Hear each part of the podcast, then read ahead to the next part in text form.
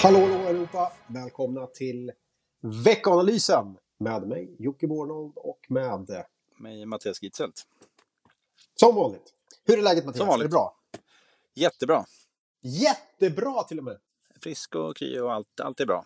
Ja, det är jättebra faktiskt. Ja, Hemmakontoret idag. Annars, ja, ja funkar samma här. Funkar samma bra. här. Ganska gott väder. faktiskt. Men eh, börsen, riktigt eh, sur faktiskt när vi spelar in det här måndag eftermiddag. Mm. Eh, Lite bankkris igen. Ja, men är det det egentligen? Eller kris kanske var ett hårt uttryck. Nej. Ja, är det det egentligen? Det är konstigt att börsen reagerar så starkt på något som redan har diskuterats och tillbaks. Inte så mycket nytt som dyker upp har jag sett. Eh, Nej. Utan mer ett konstaterande att eh, det har varit rätt mycket hål i penningtvättsverksamheten. Eh, eller arbetet hos bankerna. Men det vet vi ju om. Och även de här specifika grejerna har varit kända sedan tidigare vad jag vet. Så att, jag är lite förvånad. Men det kanske har att göra med eh, någonting som vi tar upp i analysen den här veckan. Och det är ju att eh, det ser allt bättre ut. Men det ligger eh, redan i vinstprognoser och kanske i börsvärdering. Och det är väl därför vi har en, en börs som är så känslig, som reagerar kanske, som den gör idag. Ja, exakt. Det ligger väl i, i egentligen inte bara vinstprognoser, det ligger i tillväxtprognoser en, en återhämtning och det ligger i allas förväntningar att vi i princip hade ett ganska kort hack i ja, nedgång i ekonomisk aktivitet men att det mesta ska komma tillbaka efter det här tvärstoppet.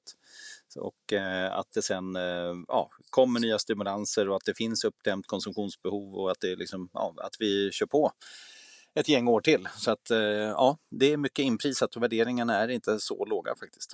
Det stämmer. Ja. Och det är klart, då, då gör det också kanske lite, lite känsligare eh, på, på börsen. Men kikar man på värderingar så, och det har vi ju gjort lite i analysen här, det är ju ganska höga P tal om vi tittar framåt. Ja, absolut. Och då Eller ligger ju som sagt... Ja, det här är ju 12 månaders framåtblickande och eh, det är väl någonstans, alltså i år så har ju räknar ju alla med att vinsterna ska vara låga så att i år så räknar vi för att, att vinsterna globalt sett backar med 19 procent och en del av året ligger ju självklart i Ja, det är ju kvar några månader också. Eh, Men sen även om man blickar in i nästa år, då kommer ju återhämtningen framförallt lite senare. Men det ska bli, enligt prognoserna, 30 vinstökning. Och, J, och sen ska det faktiskt bli 16 till år 2022. Så att det är ganska höga förväntningar på att det kommer tillbaka, men det är svagt i år. Och eh, tittar man då på hur eh, P talen ser ut eh, med de här prognoserna, eh, 12 månaders framåtblickande är ju då en kombination av årets och nästa års. Så först nedgång och sen uppgång. Då ligger det i USA kring 22. Det ligger globalt kring 19, Sverige 18 och sen så faller det lite grann. Tillväxtmarknaden är alltid billigare, Europa lite billigare på grund av att det är mycket bank och så. Men det alla har gemensamt, alla regioner, är att de är dyrare än både 5 och 10-årssnittet. Så man kan ju inte påstå att det är billigt. Men sen är ju naturligtvis alltid frågan, är de här prognoserna korrekta? Just det.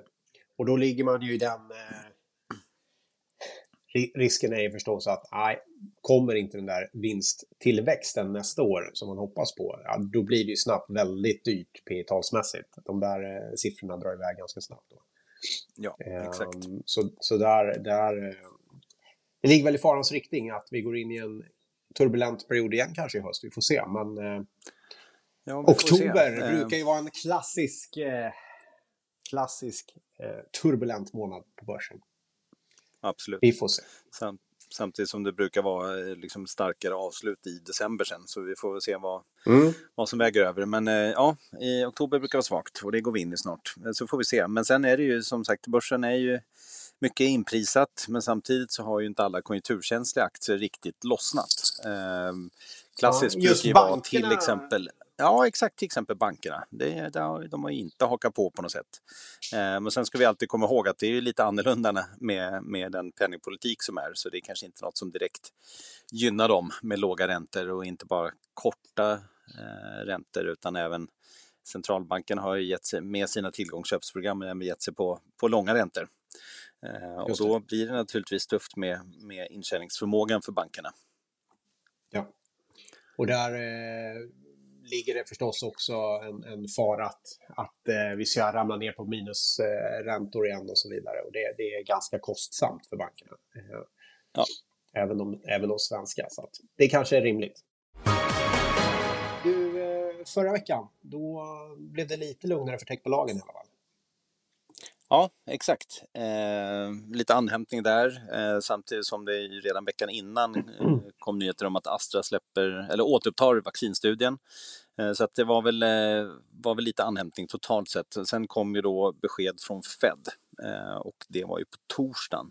Och det hade väl många hoppats på att det skulle komma lite fler stimulanser, men det var det väl inte riktigt. Och ja, då, då blir det lite blandad reaktion. Man kan väl säga att de prognoser som eh, presenterades i Fed-beskedet var ju i princip i linje vad man har räknat med. Eh, det vill säga lite höjda tillväxtprognoser. Men det man också sa var ju då att eh, styrräntan kommer ligga kvar på nuvarande nivå eh, kring nollstrecket fram till slutet av 2023. Så att det är ju faktiskt ett par år bort och det är ändå lite skillnad eh, mot vad vi har sett tidigare. Och eh, ledamöterna är väl hyfsat överens. Det är någon ledamot som sticker ut med, med klart högre ränta. Men eh, ja, det... Det där är lite det, fascinerande. Fed var ju väldigt snabb. Fed var ju väldigt snabba, eh, till skillnad från Europa och Sverige, på att höja räntan eh, mm. när ekonomin började ta fart. Eh, och sen fick man sänka nu och så kom corona och sådär. Men, men det känns lite grann som Trump har fått in dem i det hörn han ville ha dem, nämligen i, ja, lite så. i, i, i, i eh, låga räntor-hörnet. Eh, det är lite fascinerande. Eh, om det är tack vare Trump, det, det ska väl låta vara osagt. Men det är onekligen dit han ville ha dem och nu är de där.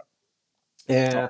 Det där stimulanspaketet som inte blev av. Eh, man pratar ju mycket om att det skulle komma något eh, penningpolitiskt eller att det ska komma något från politiskt håll i Washington. Eh, och det känns ju som att det kanske rinner lite ut i sanden här inför, vi kommer för nära in på ett presidentval. Eh, jag vet inte, men det känns som att Demokraterna kanske inte har så mycket att vinna på att driva igenom ett, eh, ett eh, någonting som Donald Trump kanske kan ta åt sig äran av. Vi får se.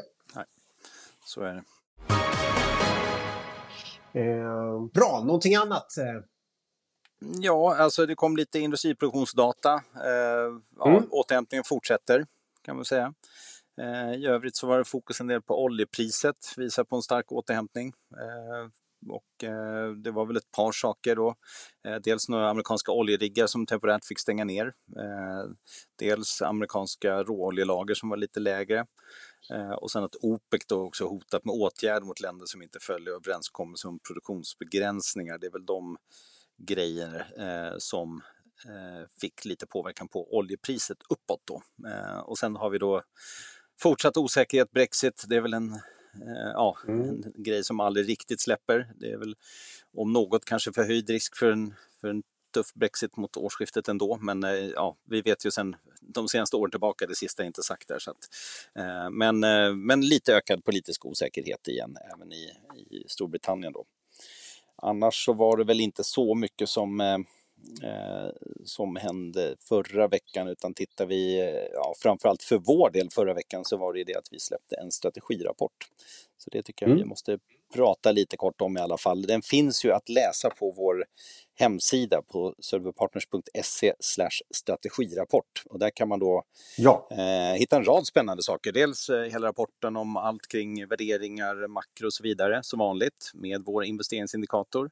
Och dels eh, tre fokusdelar då. En är ju amerikanska valet där man kan se lite skillnaden mellan eh, Biden och Trumps politik, vad som väntar, eh, framförallt på sektorvis mm. och så vidare.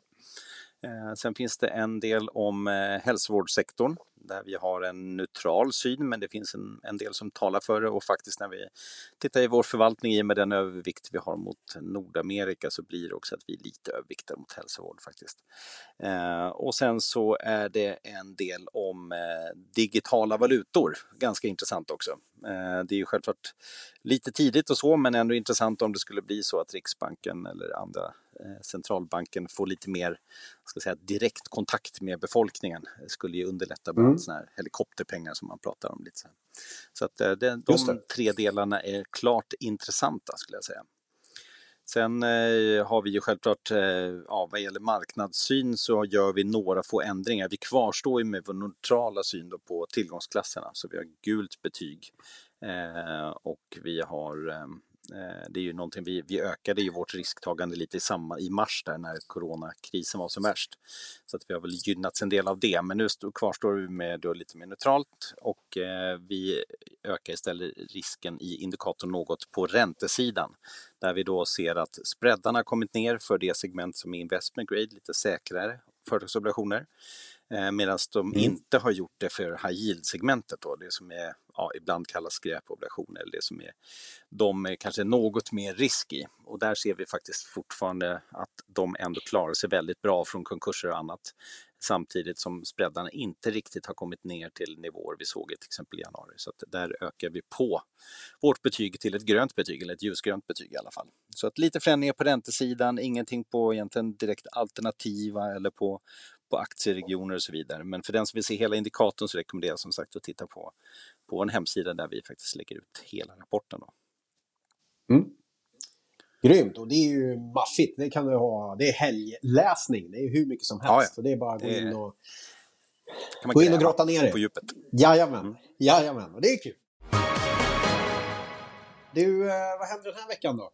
Det verkar ta fart med smittspridningen. Det är ju inget roligt. Eh, Nej. Både USA och Europa ju... pekar åt fel håll. Mm. Precis, det positiva är att vi i Sverige inte ser samma ökning just nu. Eh, men både faktiskt i, i USA men framför allt i Europa så har det ju ökat en del. Eh, och det är ju som sagt något som marknaden också bevakar väldigt mycket självklart. Och eh, ja, det är, det är inte bra. Det är inget jag kan berätta allt för mycket mer om. Jag vet inte hur det kommer, eh, hur framstegen sker i i vaccinforskningen, men eh, det kommer ju dröja innan mm. det är på plats och framförallt innan det blir brett. Vi har pratat om det här tidigare. Ehm, så att, eh, ja, det är ju ett orosmoln självklart och sen så har vi ju då en del eh, osäkerheter som sagt som kommer här nu. Vi vet ju inte riktigt hur det blir med presidentvalet. Vi vet inte riktigt hur det blir med, med Brexit och USA-Kina handels ja, maktbalans och så vidare. Så att, det finns lite osäkerheter som kommer emot oss tycker jag samtidigt som det kvarstår det vanliga argumentet för, för risktillgångar. Eh, att det faktiskt ändå inte finns något alternativ. Sen har vi ju på makrosidan har vi ju alltid ett intressant som kommer. Preliminära inköpschefsindex kommer, eh, IFO-index, mm. så hoppas vi att det fortsatt visar på återhämtning där. Eh, och sen så har vi ju då höstbudget som ska släppts idag, va? jag har precis inte tittat. Idag måndag när vi pratar. Eh, I Sverige. Det var det mesta känt sedan tidigare kan man väl säga. Eh, ja, det, så är det ju exakt. Sen så har vi då, vad har vi på bolagssidan då? Har vi något ja, spännande? det är väldigt, nej det har vi faktiskt inte. Det är väldigt lugnt. Eh, eh, Tokyobörsen är stängd. Vi har ICA i och för sig på tisdag här som har en extra stämma. Eh, och eh, det kommer sannolikt bli 6 kronor utdelning på ICA på onsdag. Men annars är det superlugnt och det är väl lite lugnet före stormen här eh, med eh, nästa rapportperiod som kommer. Så det, det, är helt klart inte så mycket som kommer på den sidan. Nu har jag en, en, en, en hund här som, som skäller. Det är min valp.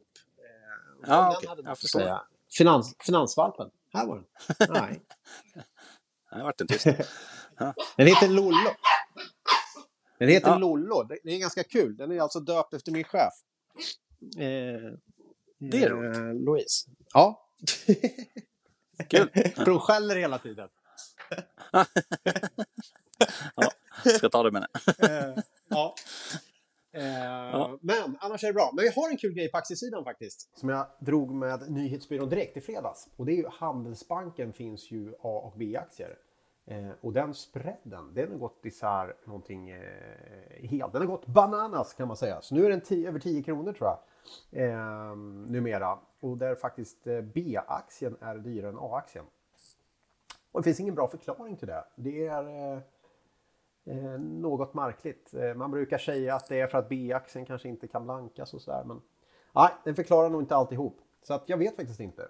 Har du då, det här kommer tipset. Sitter du på B-aktier då är det ju läge att byta till A-aktier. Eh, inte bara därför den är billigare utan det innebär ju också att du kan köpa fler aktier för samma peng och då får du också en högre direktutdelning.